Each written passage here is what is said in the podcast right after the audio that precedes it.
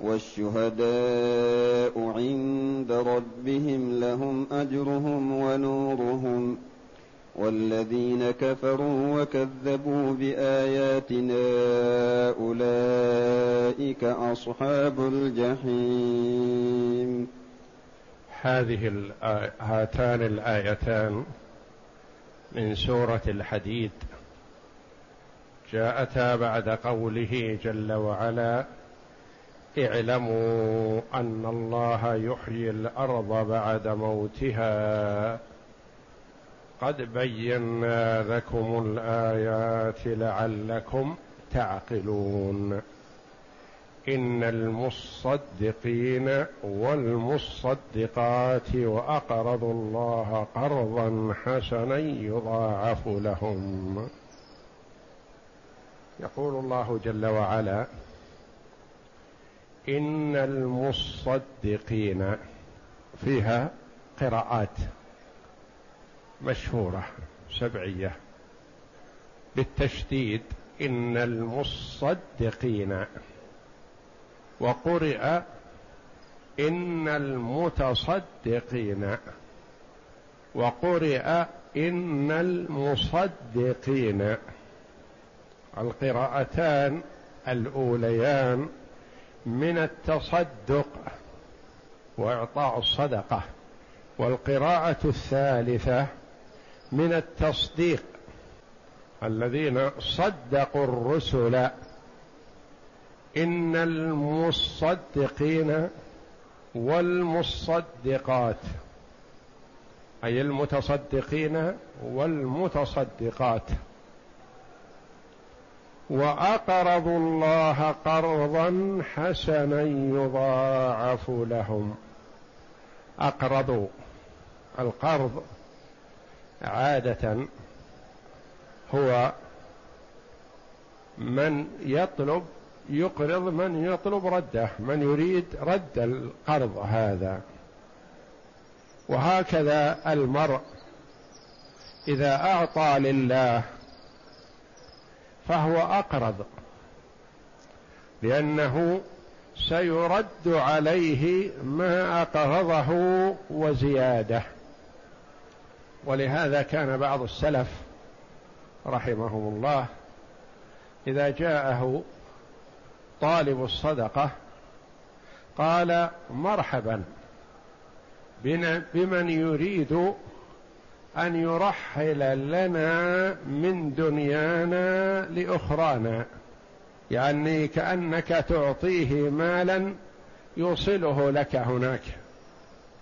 والمعطي لله ما أعطى شيئا ينقصه وإنما أعطى شيئا له يعود إليه فهو ما أعطى شيئا ينقص ماله وإنما يكون ما أعطاه مالا له حقيقه لأنه ما يعطي لله يكون له وما يبقيه يكون لوارثه والمعطي لله اقرض والقرض سيرد يرد في الدنيا ويرد في الآخرة مضاعف.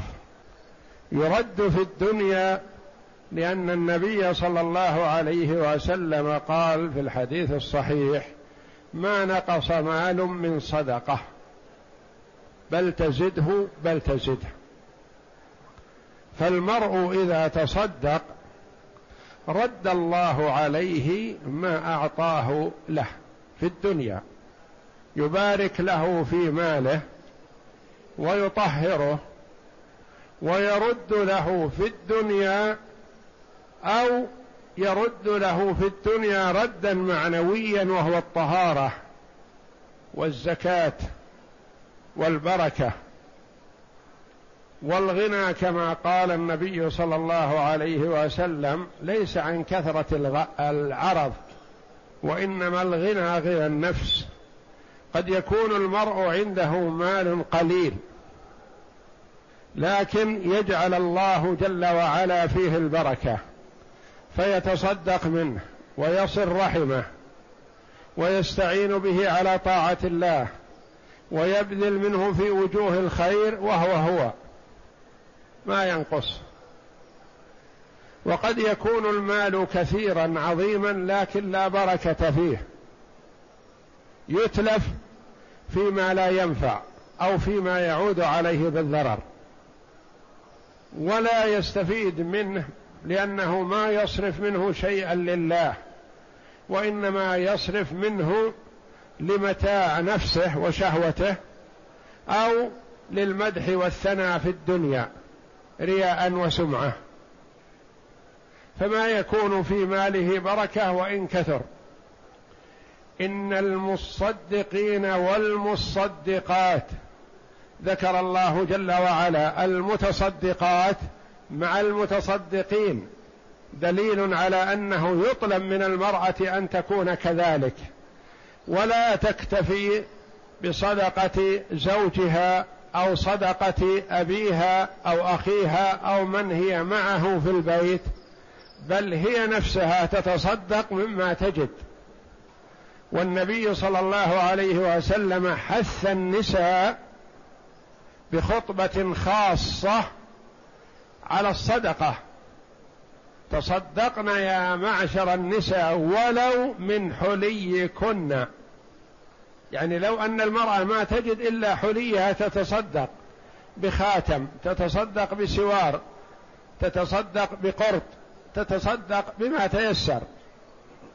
ولو من حليكن فإني رأيتكن أكثر أهل النار. والصدقة تنجي من النار. اتقوا النار ولو بشق تمرة. فهذا خبر من الصادق المصدوق فعند ذلك قامت امرأة وقالت لم يا رسول الله؟ ألسنا شقائق الرجال؟ لمن النساء أكثر أهل النار؟ فقال عليه الصلاة والسلام لأنكن تكثرن الشكاية وتكفرن العشير. لو أحسنت إلى إحداهن الدهر ثم رأت شيئا ما لقالت ما رأيت خيرا قط. منذ تزوجتني وأنا في شقاء ما استرحت. الناس حصلوا وكذا وكذا وأنا في شقاء وإن كانت في نعيم وسعادة لكنها تنسى. وهذا يؤثر عليها ويتلف حسناتها ويجعلها تدخل النار بهذا الكلام. وإن لم تخلد فيها لكنها تستحق دخول النار بهذا الكلام السيء. وتكثرن الشكاية يعني كثيرة الشكوى عند اتفه الاسباب ما يكون عندها شيء من التحمل والصبر. وهذا ليس في كل النساء وإنما هو الغالب فيهن. والكلام على الغالب. وإلا ففي النساء من هي خير من آلاف الرجال. فذكر الله جل وعلا المتصدقات مع المتصدقين. وإن كان ذكر الجمع من الرجال يدخل ضمنه النساء. لكن من باب حث النساء على الصدقة وأن لا تكتفي بصدقة من هي معه من الرجال. إن المصدقين والمصدقات وأقرضوا الله. الله جل وعلا غني. عن الخلق وطلب منهم القرض لنفعهم. والله جل وعلا لا تنفعه صدقة المتصدق وإنما صدقة المتصدق تعود إليه. كما قال الله جل وعلا في الحديث القدسي يا عبادي إنما هي أعمالكم أحصيها لكم ثم أوفيكم إياها. فمن وجد خيرا فليحمد الله الذي وفقه. فمن وجد خيرا فليحمد الله. ومن وجد غير ذلك فلا يلومن إلا نفسه. هو المقصر. وإلا فالله جل وعلا أعطاه الشيء الكثير وطلب منه القليل. الشيء الواجب في المال الزكوي الذي ينمو ويزيد ربع العشر. شيء يسير. ربع العشر. في الأربعين واحد. في الأربعين ألف ألف واحد. في الأربعين ريال ريال واحد. وهكذا إذا بلغ نصابا. ربع العشر. وأقرضوا الله قرضا حسنا. بهذا القيد. لأن بعض الناس يعطي. ويقول هذه صدقة لوجه الله. هذا هذه زكاة. هذه صدقة تطوع. أريد وجه الله والدار الآخرة وهو يريد أن يمدح ويثنى عليه ويذكر في المجالس. فلان متصدق فلان يعطي فلان سخي فلان كريم وهكذا. أراد هذا فهو حظه وهو نصيبه. وقرض هذا الذي أقرض لله ليس بحسن بل هو مرادا به غير وجه الله. والله جل وعلا يقول في الحديث القدسي أنا أغنى الشركاء عن الشرك. من عمل عملا أشرك معي فيه غيري تركته وشركه. غني عنه ولا يثيب عليه. وإن أثاب عليه في الدنيا لكن لا ينتفع منه صاحبه في الآخرة. وإلا فالله جل وعلا يثيب المعطي وإن كان كافرا لكن يثيبه في الدنيا بالمال والجاه والولد والصحة وغير ذلك من منافع الدنيا. وأقرضوا الله قرضا حسنا لا رياء فيه ولا سمعة من مال حلال لأن الزكاة إذا كانت من مال حرام ما نفعت فلا بد أن يكون من مال حلال. إذا تصدق أحدكم من كسب طيب تقبلها ربي جل وعلا بيمينه وكلتا يدي ربي يمين مباركة. ويربيها للمسلم كما يربي أحدكم فلوة حتى تكون كالجبل العظيم لأنها من كسب طيب. والثواب من الله جل وعلا يتفاوت قد تضاعف الصدقة بعشر وهذا بنص القرآن. وقد تضاعف الصدقة بسبعمائة وقد تضاعف بأكثر من ذلك أضعافا كثيرة لا يحصيها إلا الله. مثل الذين ينفقون أموالهم في سبيل الله كمثل حبة أنبتت سبع سنابل في كل سنبلة مئة حبة. حبة أنبتت سبع والسبع سنابل في كل سنبلة مئة. كم تكون؟ سبعمائة. والله يضاعف لمن يشاء يعطي أكثر من شاء بحسب إخلاص المرء ورغبته فيما عند الله وبحسب تحريه ذوي الحاجات والمستحقين وحسب إخفائها أو إعلانها لأن الإخفاء أحيانا يكون أفضل وأحيانا يكون الإعلان أفضل. إذا أمن المرء على نفسه الرياء وأعطى لله لأجل أن يقتدى به فقد يكون إعلان الصدقة أفضل حينئذ لأنه يقتدى به فيعطى فيعطي الناس مثله مثل عطائه. إن المصدقين والمصدقات وأقرضوا الله قرضا حسنا وأقرضوا. الواو هنا حرف عطف. والمصدقين اسم والعطف ما بعد حرف العطف فعل أقرض. قيل الجملة وأقرض الله قرضا حسنا هذه معترضة بين اسم إن وخبرها.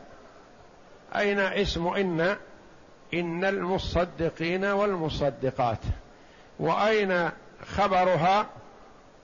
يضاعف لهم. وأقرضوا الله قرضا حسنا قالوا هذه معترضة. أو يصح أن تكون معطوفة من عطف جملة على تقدير الأولى أنها صلة للموصول إن الذين يتصدقون واللاتي يتصدقن والذين أقرضوا الله قرضا حسنا يضاعف لهم ولهم أجر كريم. يضاعف. المضاعفة معروف معناها يعني يعطى أضعاف مضاعفة وقال هنا يضاعف لهم ولم يذكر الضعف. وذكره في آيات غيرها من جاء بالحسنة فله عشر أمثالها. وجاء في قوله تعالى كمثل حبة أنبتت سبع سنابل في كل سنبلة مئة حبة والله يضاعف أكثر لمن يشاء. يضاعف لهم ولهم أجر كريم. يضاعف فيها قراءتان. يضاعف على البناء للمفعول. ونائب الفاعل هو الجار والمجرور. يضاعف لهم. سد مسد نائب الفاعل. أو يصح أن يكون مقدر. يضاعف لهم ثوابهم.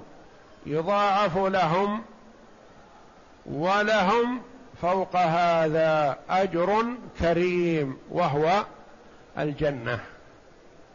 والكريم هو الشيء النفيس من كل شيء وإياك وكرائم أموالهم. لا تأخذ الإبل الطيبة الغالية عند أهلها في الصدقة يقوله عليه الصلاة والسلام لمعاذ ولا تأخذ البقر النفيسة الغالية على أهلها والغنم النفيسة وإنما خذ من الوسط وإياك وكرائم أموالهم. يضاعف لهم ولهم أجر كريم يعني نفيس غالي ولا أغلى من الجنة. يضاعف لهم ولهم أجر كريم. يخبر تعالى عما يثيب به المصدقين والمصدقات بأموالهم على أهل الحاجة والفقر والمسكنة. وأقرضوا الله قرضا حسنا أي دفعوه بنية خالصة ابتغاء مرضات الله لا يريدون جزاء ممن اعطوه ولا شكورا. ولهذا قال كما قال الله جل وعلا إنما نطعمكم لوجه الله لا نريد منكم جزاء ولا شكورا. ما يريدون مدح ولا ثناء ولا يريدون أن يذكروا بصدقاتهم. وذكر الله جل وعلا على لسان محمد صلى الله عليه وسلم الصدق من تصدق بصدقة فأخفاها حتى لا تعلم شماله ما تنفق يمينه من السبعة الذين يظلهم الله في ظله يوم لا ظل إلا ظله. ولهذا قال يضاعف لهم أي يقابل لهم الحسنة بعشر أمثالها ويزاد على ذلك إلى سبعمائة ضعف وفوق ذلك. ولهم وفي قراءة يضاعفه لهم يضاعفه لهم يضاعف على البناء للمجهول للمفعول ويضاعفه للبناء للفاعل. يضاعفه الله لهم. نعم. ولهم أجر كريم أي ثواب جزيل حسن ومرجع صالح ومآب كريم. والذين آمنوا بالله ورسله آمنوا بالله الإيمان بالله والتصديق الجازم واعتقاد وحدانيته جل وعلا في ربوبيته وألوهيته وأسمائه وصفاته. هذا الإيمان بالله. فلا بد من هذه كلها. الإيمان بوجود الله. وهذه يؤمن بها كل عاقل.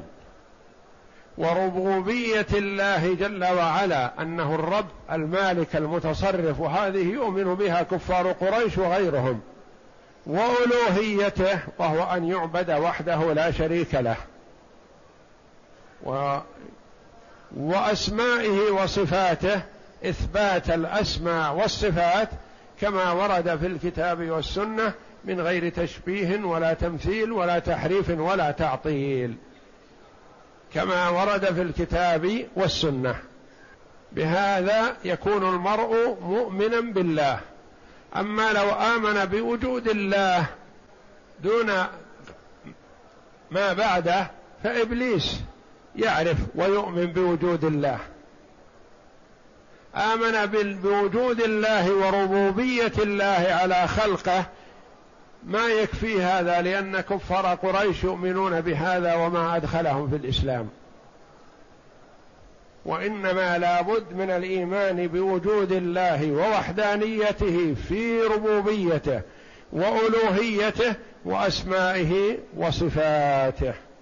إن والذين آمنوا بالله ورسله. آمنوا بالرسل. أعطوا الرسل حقهم. من التصديق والإيمان بمن سمى الله جل وعلا في كتابه بأسمائهم والإيمان بمن لم يسم الله جل وعلا في كتابه بصدقهم وفي رسالتهم وتبليغهم الرسالة والإيمان بمحمد صلى الله عليه وسلم تفصيلا واجمالا. وذلك بتحقيق شهادة أن محمد رسول الله. تصديقه صلى الله عليه وسلم فيما أخبر وطاعته فيما أمر واجتناب ما نهى عنه وزجر وأن لا يعبد الله إلا بما شرع عليه الصلاة والسلام. آمنوا بالله ورسله. ما يكفي الإيمان ببعض الرسل دون بعض. فاليهود مثلا يقولون يؤمنون بالرسل دون محمد صلى الله عليه وسلم. والنصارى يؤمنون بالرسل دون محمد صلى الله عليه وسلم. وما يكفيهم إيمانهم. ومن كفر برسول فكأنما كفر بالرسل كلهم. آمنوا بالله ورسله. جمع. كل من أرسله الله جل وعلا إلى الخلق فهو صادق. آمنوا بالله ورسله. أولئك هؤلاء أشار الله جل وعلا إليهم بقوله أولئك. وأولئك يشار فيها إلى البعيد وهؤلاء قريبون.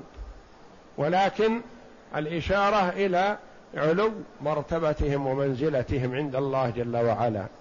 تقول أولئك الرجال.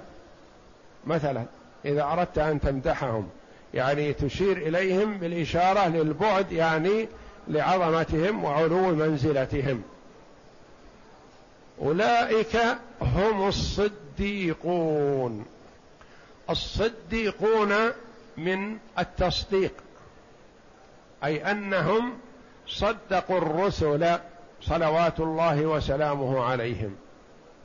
وأفضل الصديقين أبو بكر الصديق رضي الله عنه. هو أمة محمد صلى الله عليه وسلم هي أفضل الأمم. وأفضل أمة محمد صلى الله عليه وسلم هو أبو بكر الصديق رضي الله عنه وأرضاه. وسمي صديق لمسارعته إلى تصديق النبي صلى الله عليه وسلم في كل ما يقول بدون توقف. فهو عليه الصلاة رضي الله عنه وأرضاه. المسارع إلى تصديق الرسول صلى الله عليه وسلم. ولما أخبر النبي صلى الله عليه وسلم كفار قريش بالإسراء إلى بيت المقدس وبالعروج إلى السماوات العلى فرح بها كفار قريش قالوا ينقلونها إلى أبي بكر لعله يتراجع عن تصديق النبي صلى الله عليه وسلم فيكذبه في هذا لأن هذا شيء غير معقول. فسارعوا وقالوا له أرأيت صاحبك ماذا يقول؟ قال وماذا قال؟ قالوا إنه يزعم أنه ذهب في الليلة إلى بيت المقدس وصلى هناك وعرج به إلى السماوات ورجع قبل الفجر في مكة. وبيت المقدس الطريق إليه شهر ذهاب وشهر إياب. فقال رضي الله عنه إن كان قال ذلك فقد صدق لأنه لا يدري هل قاله أو لا يخشى أنه أنهم كذبوا عليه. قال إن كان قاله فقد صدق.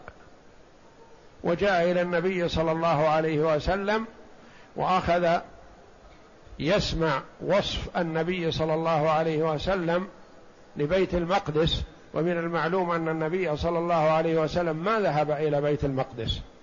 وأبو بكر رضي الله عنه ذهب ويعرف بيت المقدس. وكلما ذكر النبي صلى الله عليه وسلم وصفا لبيت المقدس قال صدقت صدقت صدقت. فمن يومها سمي أبو بكر الصديق رضي الله عنه. والصديق هو كثير التصديق كثير التصديق. والذين آمنوا بالله ورسله أولئك هم الصديقون. الذين لم يحصل عندهم شك ولا ريب هم الصديقون يعني أنهم اتصفوا بهذه الصفة الحسنة وهي صفة التصديق. الصديقون والشهداء عند ربهم لهم أجرهم ونورهم. الصديقون يصح أن تقرأ والذين آمنوا بالله ورسله أولئك هم الصديقون. وتقف على هذا. ثم تبدأ وتقول والشهداء عند ربهم لهم أجرهم ونورهم. ويصح أن تقرأ جميع بدون وقف. والذين آمنوا بالله ورسله أولئك هم الصديقون والشهداء. وقال بهذا كثير من المفسرين قالوا تدرج على أن كل من آمن بالرسل فهو الصديق وشهيد وإن مات على فراشه. أولئك هم الصديقون والشهداء عند ربهم. فعن البراء بن عازب رضي الله عنه قال سمعت رسول الله صلى الله عليه وسلم يقول مؤمن أمتي شهداء. يعني كل من آمن من أمة محمد صلى الله عليه وسلم فهو صديق وشهيد. شهداء ثم تلا هذه الآية. وقال ابن مسعود رضي الله عنه كل مؤمن قال إن الرجل ليموت على فراشه وهو شهيد. ثم تلا هذه الآية. وعلى الوقف على قوله جل وعلا أولئك هم الصديقون قال الذين آمنوا بالله ورسله هم الصديقون. والشهداء أي اصحاب الشهداء الذين هم على قول بعض العلماء الأنبياء عليهم الصلاة والسلام لأنهم شهداء على أممهم. شهداء أنهم بلغوا أممهم وشهداء على من آمن بإيمانه. كما قال الله جل وعلا وجئنا بك على هؤلاء شهيدا. الآية في سورة النساء. فقال والشهداء عند ربهم لهم أجرهم ونورهم. يعني هم متميزون الشهداء بانهم أعلى درجة من الصديقين على أساس أن المراد بها الأنبياء عليهم الصلاة والسلام فهم شهداء عند ربهم يشهدون على أممهم من آمن بإيمانه ومن كفر بكفره. وقيل المراد بالشهداء هنا الذين استشهدوا في سبيل الله يعني قتلوا في سبيل الله هؤلاء الشهداء. وهؤلاء يتميزون عن غيرهم بأن من مات في الدنيا يموت يقبر ويموت وينتهي. بخلاف الشهداء فهم أحياء عند ربهم يرزقون. الشهداء أحياء حياة برزخية. يتنعمون بالجنة بشهاد بكونهم شهداء. لهم أجرهم ونورهم أي الشهداء لهم أجرهم ونورهم المتميز عن غيرهم أو من تقدم ذكرهم الذين هم الصديقون والشهداء والذين آمنوا. الذين آمنوا بالله ورسله أولئك هم الصديقون والشهداء هؤلاء جميعا لهم أجرهم عند الله جل وعلا مضاعف ولهم نورهم. الذي يستضيئون به على الصراط المنصوب على متن جهنم. والناس يمشون على قدر ما معهم من النور وهم متفاوتون فيه. فمنهم من يمر كلمح البصر ومنهم من يمر كالبرق ومنهم من يمر كالريح ومنهم من يمر كأجاود الخيل ومنهم من يمشي مشيا ومنهم من يزحف زحفا. ومنهم المكردس في نار جهنم والعياذ بالله. لهم أجرهم ونورهم. والذين كفروا وكذبوا بآياتنا لما ذكر جل وعلا. المؤمنين وما أعد لهم في الدار الآخرة ذكر ضدهم وأعداءهم. ذكر الكافرين. لإقامة الحجة على الخلق. والذين كفروا وكذبوا بآياتنا كذبوا الرسل صلوات الله وسلامه عليهم وكذبوا بالكتب التي أنزلها الله جل وعلا على رسله وكذبوا بآيات الله الدالة على وحدانيته. أولئك كذلك اسم الإشارة للبعد لحقارتهم وخستهم وبعدهم عن الله جل وعلا. وهذا من بلاغة القرآن أن يأتي اللفظ واحد شيء منه يدل على التكريم المتناهي وآخر مثله يدل على الخسة والدناءة والانحطاط والعياذ بالله. واللفظ واحد. قال هنا اولئك أولئك هم الصديقون والشهداء عند ربهم وقال هنا والذين كفروا وكذبوا بآياتنا أولئك أصحاب الجحيم.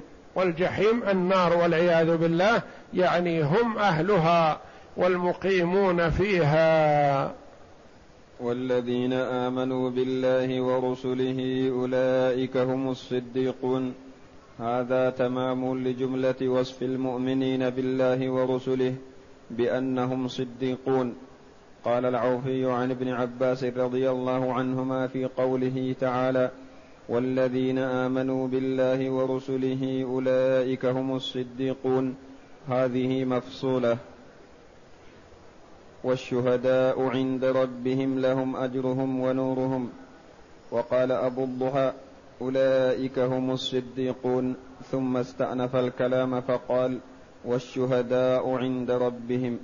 وهكذا قال مسروق والضحاك ومقاتل وغيرهم وعن عمرو بن مرة الجهني رضي الله عنه قال جاء رجل إلى النبي صلى الله عليه وسلم فقال يا رسول الله أرأيت إن شهدت أن لا إله إلا الله وأنك رسول الله وصليت الصلوات الخمس وأديت الزكاة وصمت رمضان وقمته.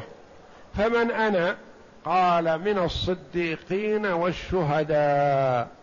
يعني إذا أتيت بما افترض الله جل وعلا عليك فأنت من هؤلاء المصطفين الأخيار الذين امتدحهم الله جل وعلا وأثنى عليهم.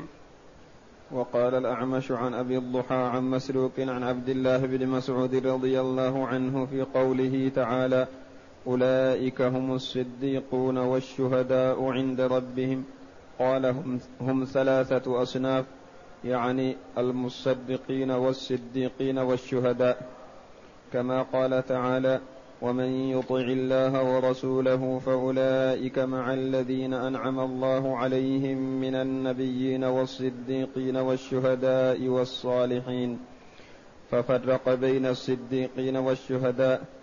فدل على أنهما صنفان ولا شك أن الصديق أعلى مقاما من الشهيد كما رواه الإمام مالك بن أنس رحمه الله في كتابه الموطأ عن صفوان بن سليم عن عطاء بن يسار عن أبي سعيد الخدري رضي الله عنه أن رسول الله صلى الله عليه وسلم قال إن أهل الجنة لا يتراءون أهل الغرف من فوقهم كما تتراءون الكوكب الدري الغابر في الأفق من المشرق أو المغرب. يعني هم من أهل, الجنة في أدناها يتراءون أهل الغرف أصحاب المنازل العالية كما يرى أهل الدنيا الكوكب الدري الغابر يعني في العلو في السماء وكلهم في الجنة.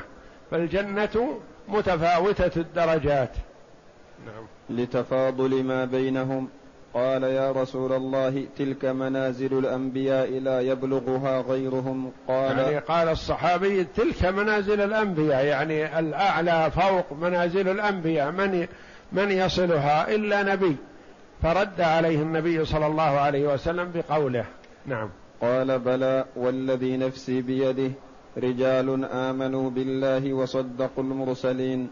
رجال آمنوا بالله حق الإيمان وصدقوا المرسلين بالمتابعة والطاعة فيستحقون هذه المنازل العالية والناس يتفاوتون بإيمانهم كما ورد أنه لو وزن إيمان الأمة كلها بإيمان أبي بكر لرجح إيمان أبي بكر رضي الله عنه.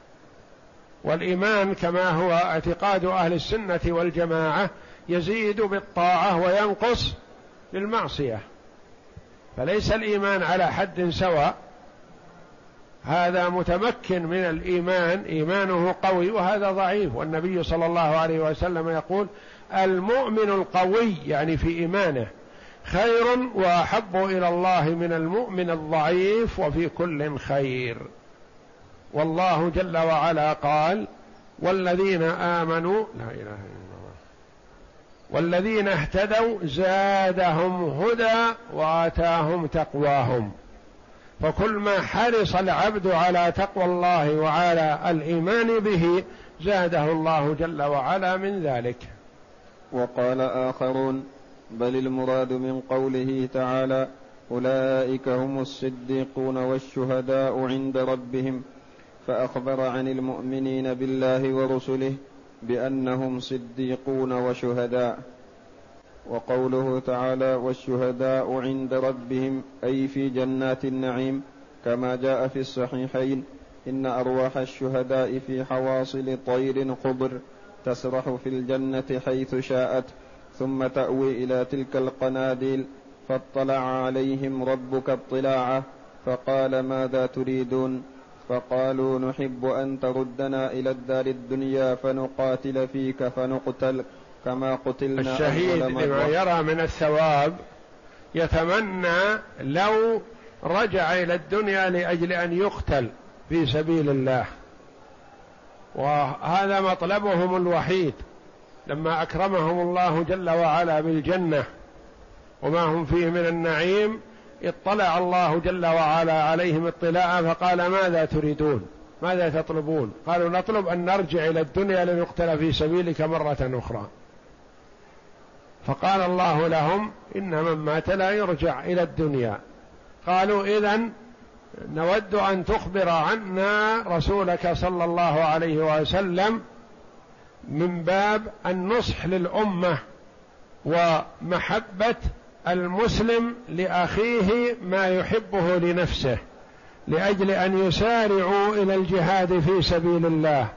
فبلغ الله جل وعلا عنهم نبيه محمدا صلى الله عليه وسلم ومحمد عليه الصلاة والسلام بلغ الأمة بأنهم أحياء عند ربهم يرزقون. لهم أجرهم ونورهم أي لهم عند الله أجر جزيل ونور عظيم يسعى بين أيديهم وهم في ذلك يتفاوتون بحسب ما كانوا في الدار الدنيا من الأعمال. والله أعلم وصلى الله وسلم وبارك على عبده ورسول نبينا محمد وعلى آله وصحبه أجمعين.